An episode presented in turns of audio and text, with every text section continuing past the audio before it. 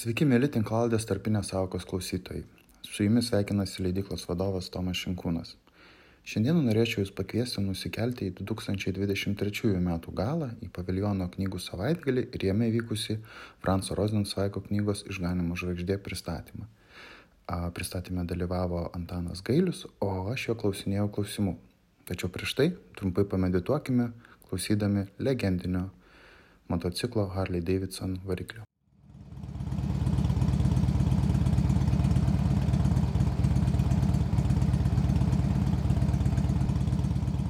Sveiki gyvi, susirinkę į FI knygų Franco Rosensvaigo išganimo žvaigždės pristatymą, kad visi teisingai nusiteiktume, aš gal paprašysiu vertėjo paskaityti kelis pasažus, pradžią ir pabaigą.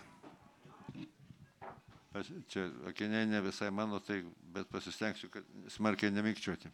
Sveiki gyvi. Čia yra įžanga apie galimybę pažinti visatą ir ji yra, turi savo moto, kuris man, man, man kaip vertėjai abu moto labai patiko, bet šitas, šį, šį kartą čia yra in filosofos. Kitaip sakant, prieš filosofus. Nuo mirties, nuo mirties baimės prasideda visas visatos pažinimas. Nusimesti šio žemės gyventojų baugulį, išrauti nuodingai mirties gelonį, atimti iš gado maro dvelgsmą - tokia yra filosofijos užmačia. Visi mirtingiai gyvena su šia mirties baime. Kiekvienas naujas gimimas gausina ją nauja dingstimi, nes gausina mirtingųjų skaičių. Nenuilstančios žemės iššios be perstojo gimdo viską naują ir kiekvienas jų pasmerktas mirti, kiekvienas su baime ir drebliu laukia savo kelio į tamsybės dienos. Tačiau filosofija neigia šią žemės baimės. Ji veržiasi iš kapo atsiveriančių prieš koją su lik kiekvienu žingsniu. Ji leidžia kūnui sunykti pragarmėje, bet laisva siela nusklendžia viršum jos. Kad mirties baimė nieko nenutokia apie tokį skyrimą į sielą ir kūną, kad ji kriokia aš, aš, aš ir nieko nenori girdėti apie baimės perkelimą vien į kūną, Kas čia darbo filosofijai? Žmogus lyg ir mėlė rausės į nuogo žemės klostės, mėgindamas gelbėtis nuo atšvilpiančių aklos ir nepermaldaujamus mirties vedinių. Žmogus ten priverstas neišvengiamai pajusti tai, ko šiaip niekada nejaučia. Kad jo aš jam mirus būtų tik tai.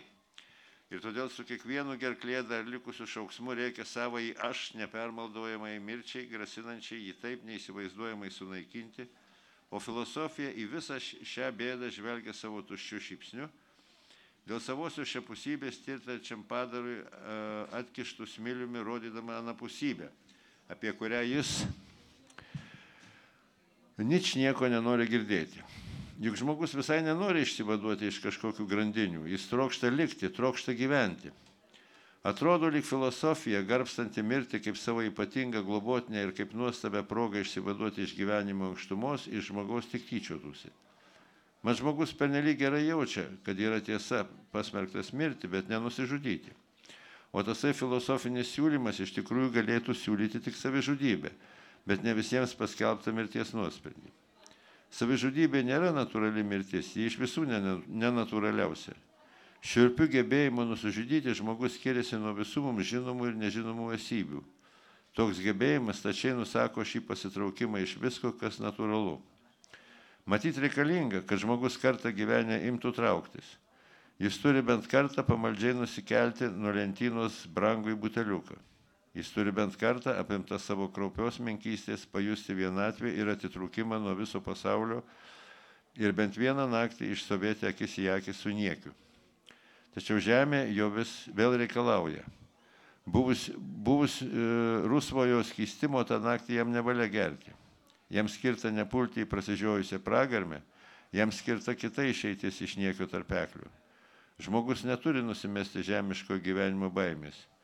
Jis privalo mirties baimėje likti.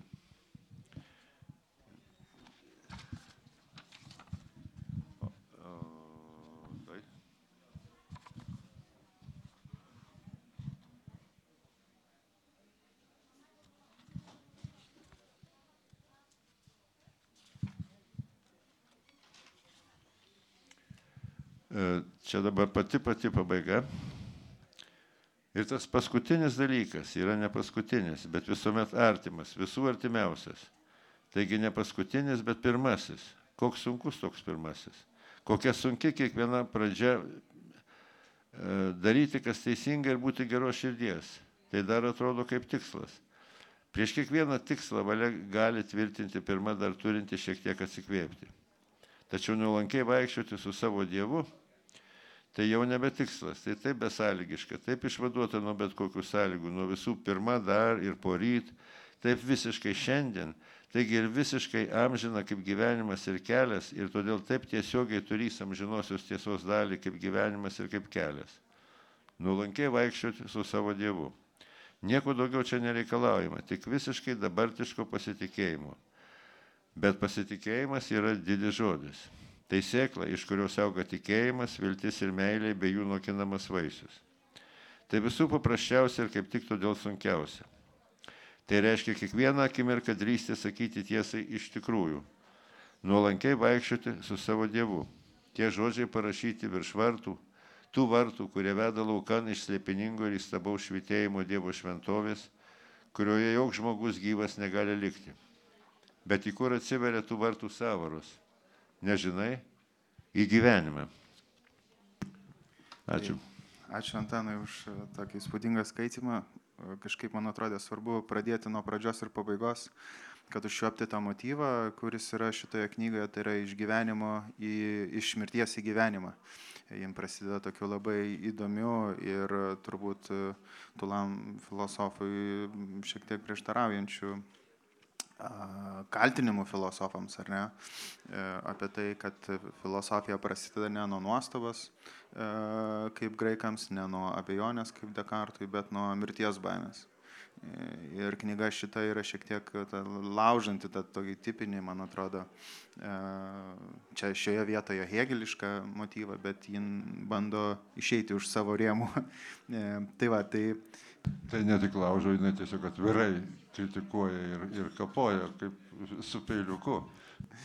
E, taip, tai va, tai ačiū labai, kad paskaitė, tai toks motyvas, tokia yra e, mūsų įžanga. E, šiandien turime Antaną Gailių, knygos vertėją, kuris atliko, aš nežinau, visų pirma, tai labai sunku darbą, ne tik fiziškai, bet ir protiškai. Ir man atrodo, kad kaip čia negalima sakyti, to Lietuvoje nebuvo, bet e, e, akivaizdu, kad tai yra monumentalus e, trijų metų darbas kurį paremė tiek Lietuvos kultūros taryba, tiek Giotės institutas Lietuvoje. Tai išleidome šią knygą labai mažu tiražu ir, ir, ir nežinau, ar to didžiuojamės, turbūt nelabai, bet man atrodo, šitos knygos esmė yra, kad jin tiesiog atgultų į biblioteką, kad jin būtų prieinama ir kad kažkas, kuris sugeba skaityti ir suprasti ją, perskaitytų ir suprastų ir, ir, ir, ir, ir mes galėtume nuo to atsispirti.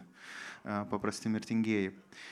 Tai pradžiai gal aš trumpai pristatysiu, kadangi turbūt mažai kas žino patį Fransą Rosenzweigą, e, e, jo gyvenimą ir mes pabandysime su Antanu pasikalbėti trumpai apie na, trumpai, kiek laikas leidžia apie a, tuos vertimo niuansus. Žinau, man labai didžiulis klausimas yra, e, kodėl leidėjų pasiūlius jūs visgi sutikote šitą knygą išversti, e, bet prieisime prie to. Tai aš trumpai apie Rosenzweigą, tai Francas Rosenzweigas gimė 1886, o mirė 1929, jis gimė tokioje e, neįtin žydų šeimoje pasiturinčio, bet nebuvo labai religingas. Ir a, mokėsi filosofijos. A, savo daktaro disertaciją rašė iš Hegelio filosofijos. Jos pavadinimas buvo Hegelis ir valstybė. Ir ten jau, jau tada, kalbėdamas su savo bičiuliais, pradėjo, buvo matoma, kad nu, nelabai mėgsta tą Hegelį nors puikiai ir išmano. Ir, ir čia va tas atsikartojantis motyvas išganimo žvaigždė yra prieš absoliutą, prieš objektivumą, už individualybę, už žmogaus egzistenciją. Tai va, tai, tai va ta pradžia tokia nuo mirties baimės turbūt būtų tai, kas, dėl ko Hegelis kape vartytųsi, ar ne? Tai man atrodo, tas yra labai įdomu ir svarbu, kad ir dažnai čia su filosofais tai būna, kad tas, kas būna, ką išmoksta, tą labiausiai ir mėgsta kritikuoti, nes tą labiausiai išmano ir nuo to atsispiria. E, aišku, pati knyga nepabėga nuo tos struktūros ir, ir, ir turi tą tokią trilypę struktūrą, ar ne? In, uh, visų pirma, gal reikėtų dar paminėti, kad kažkurio momentu Rozensvaigas susipažįsta su Hermanu Kohenu, Marburgo neokantininkų mokyklos vienu iš kuriejų ir kuris bandė tą kanto filosofiją pritaikyti ir pagrysti religiją, per religinę patirtį. Tai tas buvo labai svarbu ir Rozensvaigas pamatęs Koheną sako, čia vat yra didis filosofas kas man atrodo yra labai didžiulis komplimentas, ypač tuo laiku, kada jis mokėsi, tai buvo daug, daugybė filosofų. E, kitas svarbus jo Rozensvaigo momentas, kuri, kuris lydi jį visą laiką per gyvenimą, yra abejonė tikėjimui. 1913 m. Liepos 7 d. vyksta, apie ką dauguma Rozensvaigo biografų sutinka vadinama Leipzigė e, e, kurioje Rozensvaigas su dviem su pusbroliu ir savo bičiuliu diskutuoja karštai apie religiją ir religijos prasme. Ir e, jo pusbrolis, kuris e, pro, ir augęs kaip protestantas, o kitas jo draugas e, konvertitas e, persi konvertuoja į judaizmą, įtikina Rozensvaigą irgi konvertuotis iš judaizmo į krikščionybę. E, nu ir viskas, visi ten iki pareičių išsidiskutuoja, išsiskirsto, e, Rozensvaigas išvažiuoja į Berliną ir po kelių mėnesių jis atsisako konvertuotis. E, maždaug spalį 13 metų taip jis nusprendžia, parašo laišką savo draugui, bet tuo pat metu jau greitai jis pašaukiamas į frontą ir kažkaip tas laiškas nepasiekia to draugo. Tai vyksta tokia e, komunikacija, tiksliau neįvyksta. E, kas yra įdomu dar šiame kontekste labai, kad Rosenzweigas parašo išganimo žvaigždę, didžiąją dalį, išleista 21, bet didžiąją dalį jis parašo pirmojo arba didžiojo karo metu. Ir mm, kariaudamas Balkanų fronte. Aš kaip jis ten turi laiko rašyti va, štai tokį veikalą. O puikiai žinome, kad yra labai nemaža dalis filosofų, vieni, kuriem tiesiog gyvenimas subliūkšta, atsiranda tragedija, kiti miršta. E, žodžiu, pirmas pasaulinis karas jis labai keičia. Tai vat, e, yra dar tokia grupė žmonių, kurie sugeba parašyti e, pasaul... kariaudami pirmajame pasaulinėme kare. Tai štokia, štokia didžiulė knyga. Tai vat, labai įdomu, kad taip įvyksta ir um, pati knyga yra iš e, trijų knygų vadinamų, turi po tris dalis, po įžangą, e, perėjimą, slengsti e, ir vartus, tai vad per kurios tu perėjęs turi išeiti į gyvenimą. Tai egzistencinė knyga, nors Rosensveigas niekada ne, ne, nesidentifikavo kaip ar fenomenologas, ar egzistencialistas, to labiau tais laikais nelabai galėjo, bet galbūt gerai apibūdina tą prieš priešą Hegeliui. Bet kalba labai svarbi, nes jis bando išeiti už tos kalbos rėmų, kažkaip padaryti tą knygą gyvą. Žodžiu, man atrodo, kad aišku, vienas pagrindinių knygų, knygos motyvų ir čia jam labai buvo liūdna, kai knyga buvo pardavinėjama, kad ją pirkdavo jauni toro studentai, e, dėl to, kad rastų argumentų prieš krikščionybę už judaizmą, nors e, pačio Rozensvaigo tikslas rašant šią knygą buvo kaip tik parodyti, kad e, krikščionybė neįmanoma be judaizmo, o judaizmui reikia krikščionybės. Tai vat e, tokie yra tie motyvai. Knygoje turinys, aš pas turiu prisipažinti, tikrai daug ko nesupratau. Aš manau, tai yra knyga visų pirma ne vienam skaitimui, o ilgesniam. E, bet labai džiaugiuosi, kad mes sugebėjome ją išleisti, kad sugebėjome prakalbinti. Tai yra viena iš nedaugelio kalbų pasaulyje, į kurią išverstas Rozinsvaigas, nes tikrai jų nėra daug. E, tai dar kartą tada jau grįžtų prie jūsų, Antanai. Tai visgi, kodėl jūs apsijėmėt versti šitą sudėtingą veikalą, šitą sudėtingą knygą?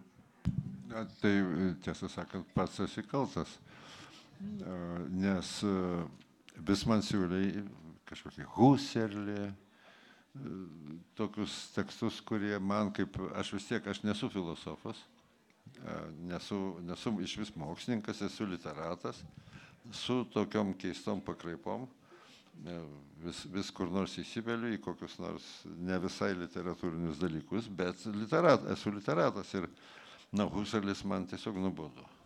Turiu pasakyti, man kaip literatui. O tada tu man pats ir atsiuntė tą PDF. -ą.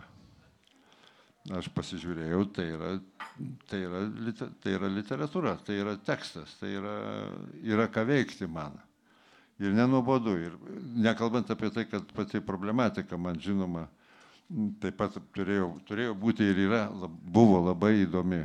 Kai manęs klausdavo, kol aš dirbau tą vertimą, manęs klausdavo vis kas nors iš, iš mano aplinkos. Tai ką tu ten verti, apie ką ta knyga? Man buvo labai paprasta atsakyti apie Dievą, žmogų ir pasaulį. Ir tai, ir tai ne tai, kad čia toks atsikalbėjimas, bet iš tikrųjų Tai todėl taip, taip ir pradėjo, prasidėjo tas darbas. Todėl, kad e, knyg...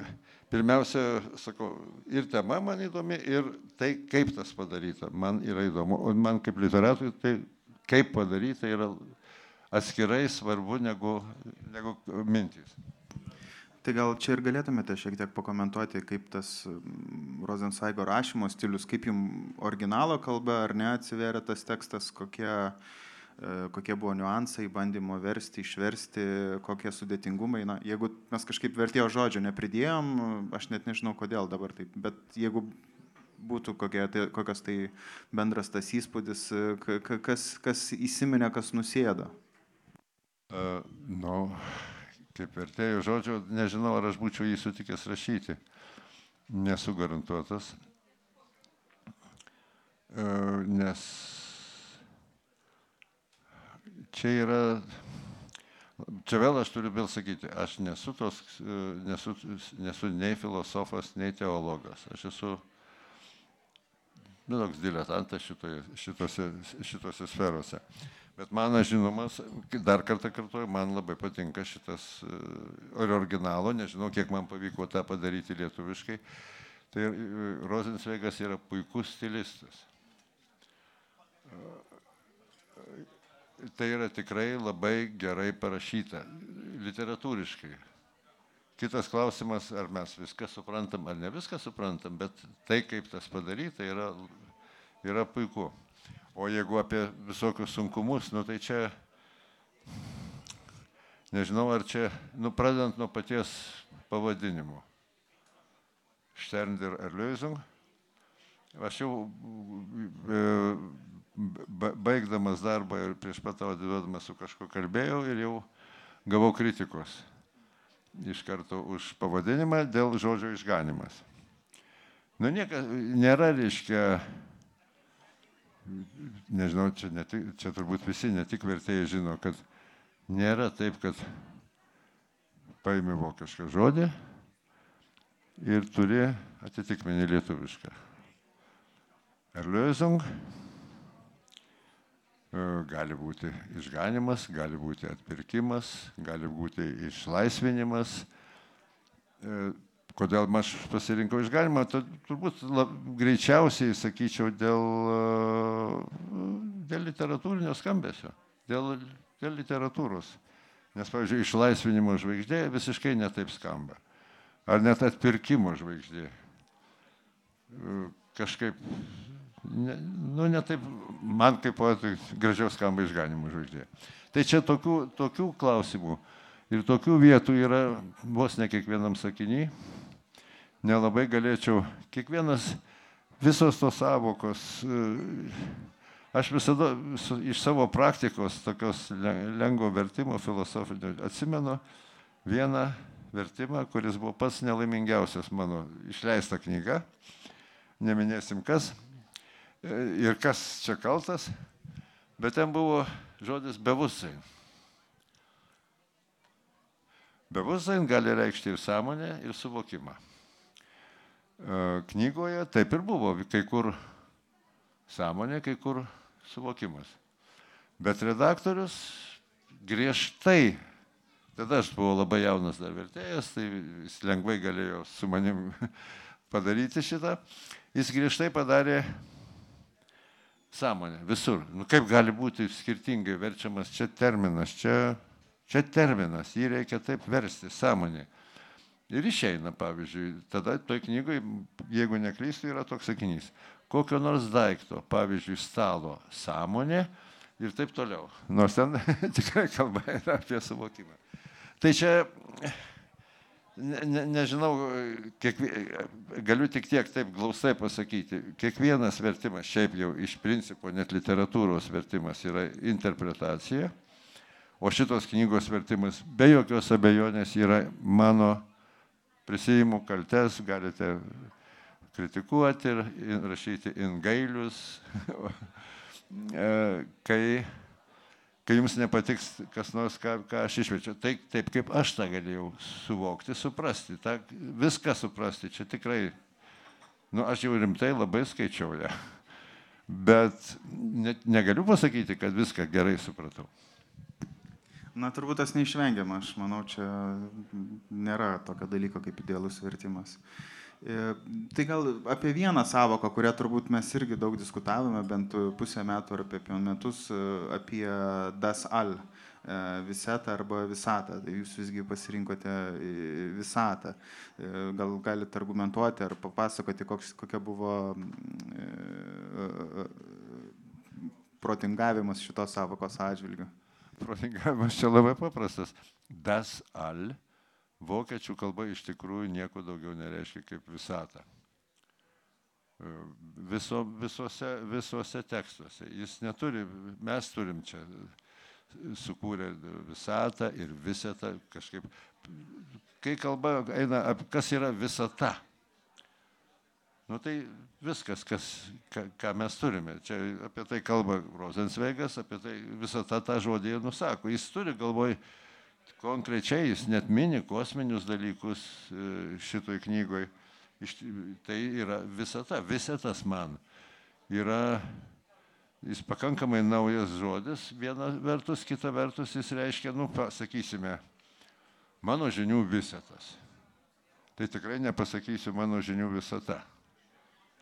Bet kai aš sakau visetas e, šitam tokiam abstrakčiam tekste, tai nežinau, kodėl reikia rašyti visetas vietoj, vietoj tikro visur mūsų lietuvių kalboje taip pat priimto termino visata. Tai čia tik tiek galėčiau atsakyti. Nu, kaip čia pasakyti? Nu, pilvas sako. Vertėjai dažnai sako pilvas. Ačiū.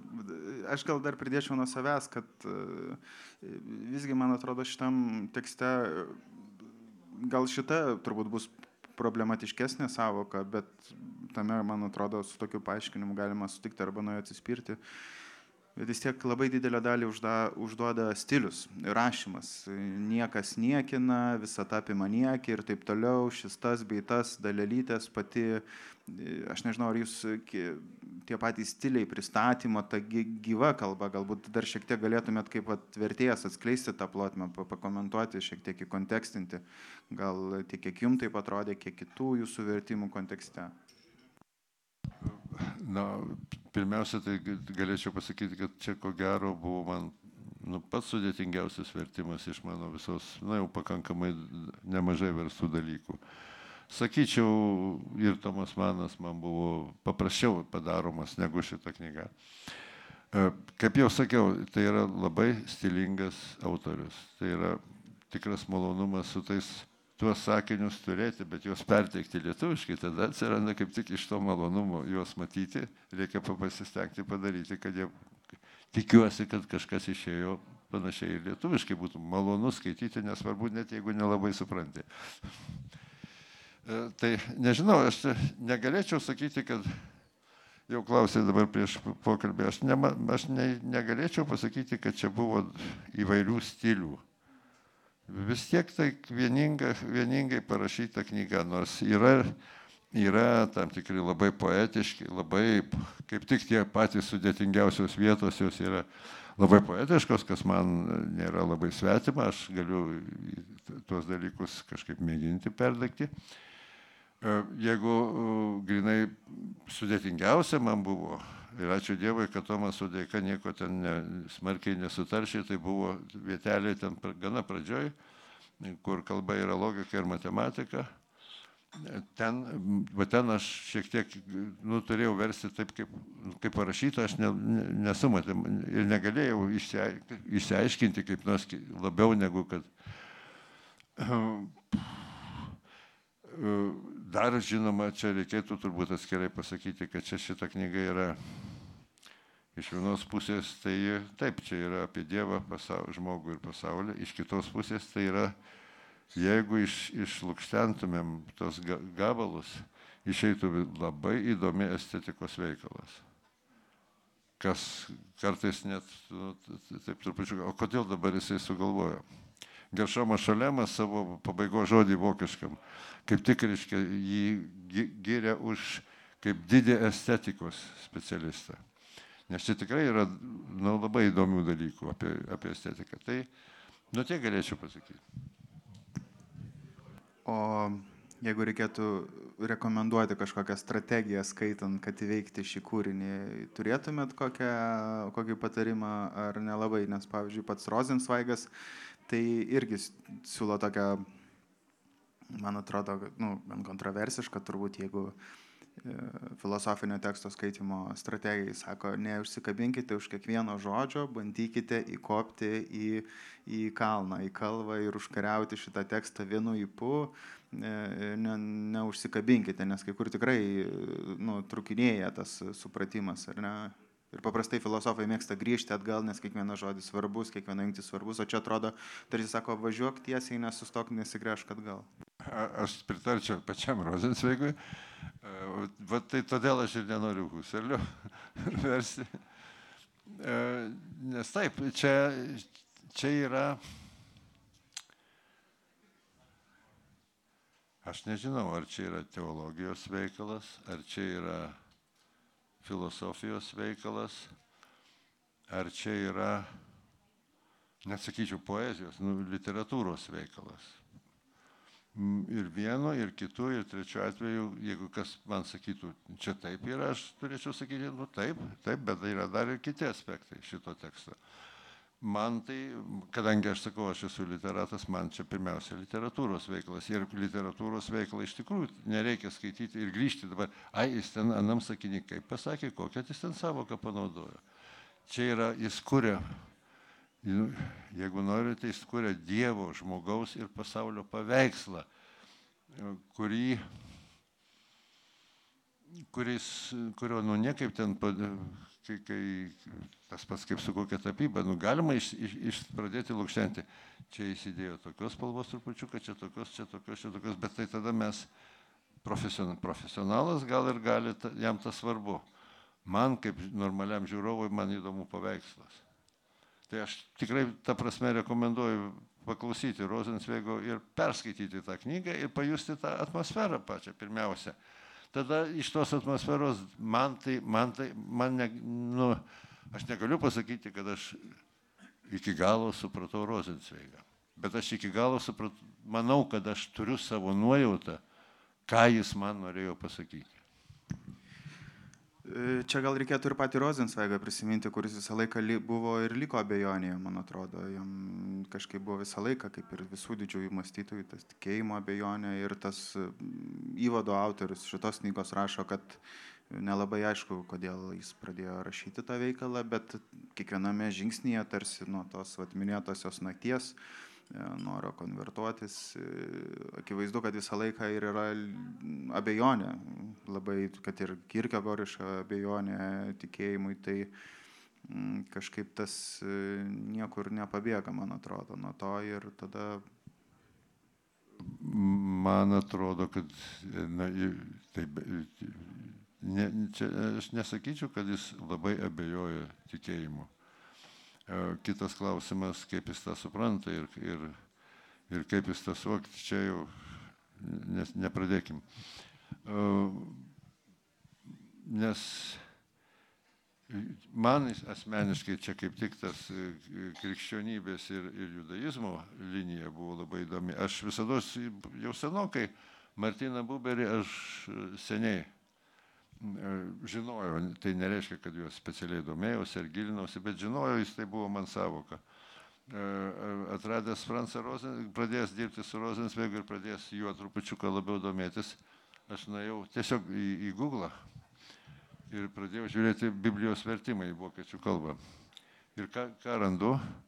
Ne Buberio vertimas, o Rosensveigo brūkšnelis Buberio vertimas. Yra toks specialus, labai tik tai iš nuogėdų žinau. E, jie mėgino Bibliją versti, nu, pažodžiui kažkaip, kitaip negu, negu iki šiol šventas raštas buvo verčiamas į vokiečių kalbą. Nesu mėginęs to suprasti. Kiek atsimenu, iš kažkur esu girdėjęs, kad, sakysime, mm, mylėk savo artimą kaip pat save kitaip sakant, taip kaip myli save. Jeigu neklystų Buberio ir Rozensveigo vertime, yra maždaug taip, ne, mylėk savo artimą, nes jis toks kaip tu. Jis toks pat. Tai, tai nu, bet maždaug tokį, taip jie buvo užsėmę į visą, visą Senąjį testamentą ir išvertė į, į vokiečių kalbą. Nu ir man tas jo, šitoj knygoje jo yra labai daug, jo mėginimas suderinti judaizmą ir krikščionybę. Ir, ir tikrai pagarbiai kalbėti apie abu tuos, tuos sparnus. Tai man jis buvo labai įdomus. Gal čia dar yra tokia biografinė detalė, kad uh, Rozensvaigui 22 metais diagnozuoja mirtiną neurologinę lygą, kaip tik tuo metu panašiai pradeda su Buberiu jie versti, iš tikrųjų bandydami kažkaip labai atgaminti tą e, dvasę šventojo rašto, aš kiek suprantu, irgi tikrai negaliu dokumentuoti, bet iš to, ką skaičiau. Ir aišku, Rozensvagas jau jo nepabaigė, jis ga, gale gyvenimo jau užsiema tuo, jo, jo žmona stovi prie lovos ir jis tiesiog turi mirktelėti, čia ta raidė ar ne ta, ar toks vertimas ar ne. Jis septynis metus, iki 29 metų vis, vis dar yra produktyvus, bando rašyti kiek gali ir, ir tą vertimą pabaigė Buberis. Tiesiog aš e, e, dar vieną tokį anegdotėlį. E, kaip jau buvom sutarę e, versti išganimo žvaigždę. O aš tuo metu baigiau e, Sloterdėjko burtų medį. Yra išėjusi tokia knyga. Tai yra knyga apie psichoanalizės atsiradimą prancūzų revoliucijos metais. Ir ten herojus kuris pradžioj kitaip vadinasi, bet iš esmės jis iš per Prancūzų revoliuciją, per pirmojo pasaulinio karo besibaigiančio, vykstančio karo ir pasibaigiančio karo grįžta, nu, kaip ir kelionė laikų jo, jis grįžta į vieną nuo pat 21-2 metų. Ir, eina, ir jau kaip Zygmundas Freudas eina pro knygyną Ir ką jis, jis žiūri, ką čia jam reikės dabar jau sugrįžus perskaityti. Ne visas ten, man rodos, yra dar pora daugiau knygų pamatyti, bet ten dvi buvo tikrai svarbios man, aš man įsidėmėjau, tai yra e, Vakarų Saulėlydės Špenglerio ir Rosensveigo išganimo žvaigždė. Tai buvo kaip, na, tam tikras, reiškia, toks ženkliukas tavo, reiškia. Jau sutarta, kad aš tą darysiu ir tavo kitoj knygoje pasako. E, gal dar pabaigai galėčiau paklausti jūsų, kaip jūs galvojat, kas yra šitos knygos skaitytojas, e, arba kam, kam ją rekomenduotumėt skaityti, kam, kam reikėtų ją perskaityti? Iš kur aš žinau? Aš Jau nebepasakosiu trečią kartą istorijos. Pasidalinkit, nes aš tai žinau, bet gal kitiems bus įdomu. Kad, aš ne, nežinau, nenoriu kartuotis. E, kažkada verčiau Geršomo Šalemo e, žydų mistiką ir jos pagrindinės rovės tokį veikalą. Ir kaip, kol verčiau visada galvojau ir kalbėjau su savaisiais, nu, gal dešimt žmonių yra Lietuvoje, kurie tikrai, kuriems tas knyga bus vertinga, jie tikrai žinos, ką jie čia skaito ir gilinsis ir taip toliau. E, Išverčiau išėjo ta knyga, nebuvo ten kažkoks Ir po kokių metų, pusantrų vedu šunį ir sutinku savo gatvėje kaiminę, kuri, na, nu, taip inteligentiška moteris, aš jos ne, net nelabai žinau, jos mes pasisveikinam, kadangi ten už kelių namų gyvena. Ir man sako, bet kokią knygą jūs išvertėte? Na, nu, aš pasipagalvoju, kadangi esu vertęs kokį Stefano Cveigo, pavyzdžiui, Mariją Stewart arba Mariją Antuanetę, nu, galėtų būti jai, jai, jai tinkamos knygos. Ir sakau, nu tai apie ką, kurią čia knygą turit galvoje? Jis sako, žydų mistika. Guli pas mane ant naktinio stalelio, negaliu atsiskaityti. Tai dabar po šito jūs manęs neklauskit. Kam, kam, kam, kam patarti? Šiaip aš sakyčiau, žmonėms, tai tikrai reikalinga knyga žmonėms, kuriems rūpi šitie trys dalykai. Dievas, žmogus ir pasaulis. Bet iš tikrųjų rūpi, ne šiaip, kad, na, nu, biškuti, biškuti rūpi, biškuti nerūpi. Jeigu jums iš tikrųjų rūpi, tai čia tikrai jūsų knyga. Čia yra apie tris tuos, iš tikrųjų apie tai. O tai aišku, nu, tai tada reiškia, jeigu pagal profesijas, nu, tai gal reikėtų ir, ir, sakyčiau, ir filosofams, ir teologams, bet aš labai rekomenduočiau ir poetams. Kiekvienas vis kitaip tai skaitysim. Aišku, yra čia nemažai ironijos, kad leidėjas klausė vertėjo, kas jo knygą skaitys, bet aš apie poetus buvau nepagalvojęs, tai ačiū. Um, mes turim šiek tiek laiko gal keliems klausimams. Jeigu, Vis, visada prašom. Jeigu kas turi minčių, pastebėjimų, dabar galite juos išsakyti. Nėra norinčių, net Vytautas Ališauskas nieko nenori paklausti. Tai aš Vytauto Ališauskai dabar pasakysiu, yra knyga, aš atsimenu, aš tau sakiau, gal aš tau padėsiu šitą knygą perskaityti. Čia vienas iš tų, kuriems tikrai rekomenduojama. Mes kalbėjom, jis sako, nu aš angliškai mėginau skaityti tenai. Nu, va, 91-94, gal 2024 lietuviškai pasakysi, o gal, gal aš tavo atversiu akis. Tai jeigu nesuprantat knygos, nesinervuokite, net Vytautas Ališauskas turėjo problemų, tai tikrai rekomenduojam visiems pirkti. Aš dar kartą norėčiau padėkoti Lietuvos kultūros tarybai, Giotės institutai, Ernestai Pauls, kuri atliko korektūrą, Gedriai Sadeikieniai, kuri suredagavo, ponui Tomui Sadeikiai, kuris įvadą parašė, Antanui Gailiui, kuris sugebėjo nudirti šitą titanišką darbą. Ir, uh, ir Tomui Šimkūnui, kuris sugebėjo šitą išleisti ir turėjo kantrybės man iki, iki pamišimų. Ačiū. Ačiū.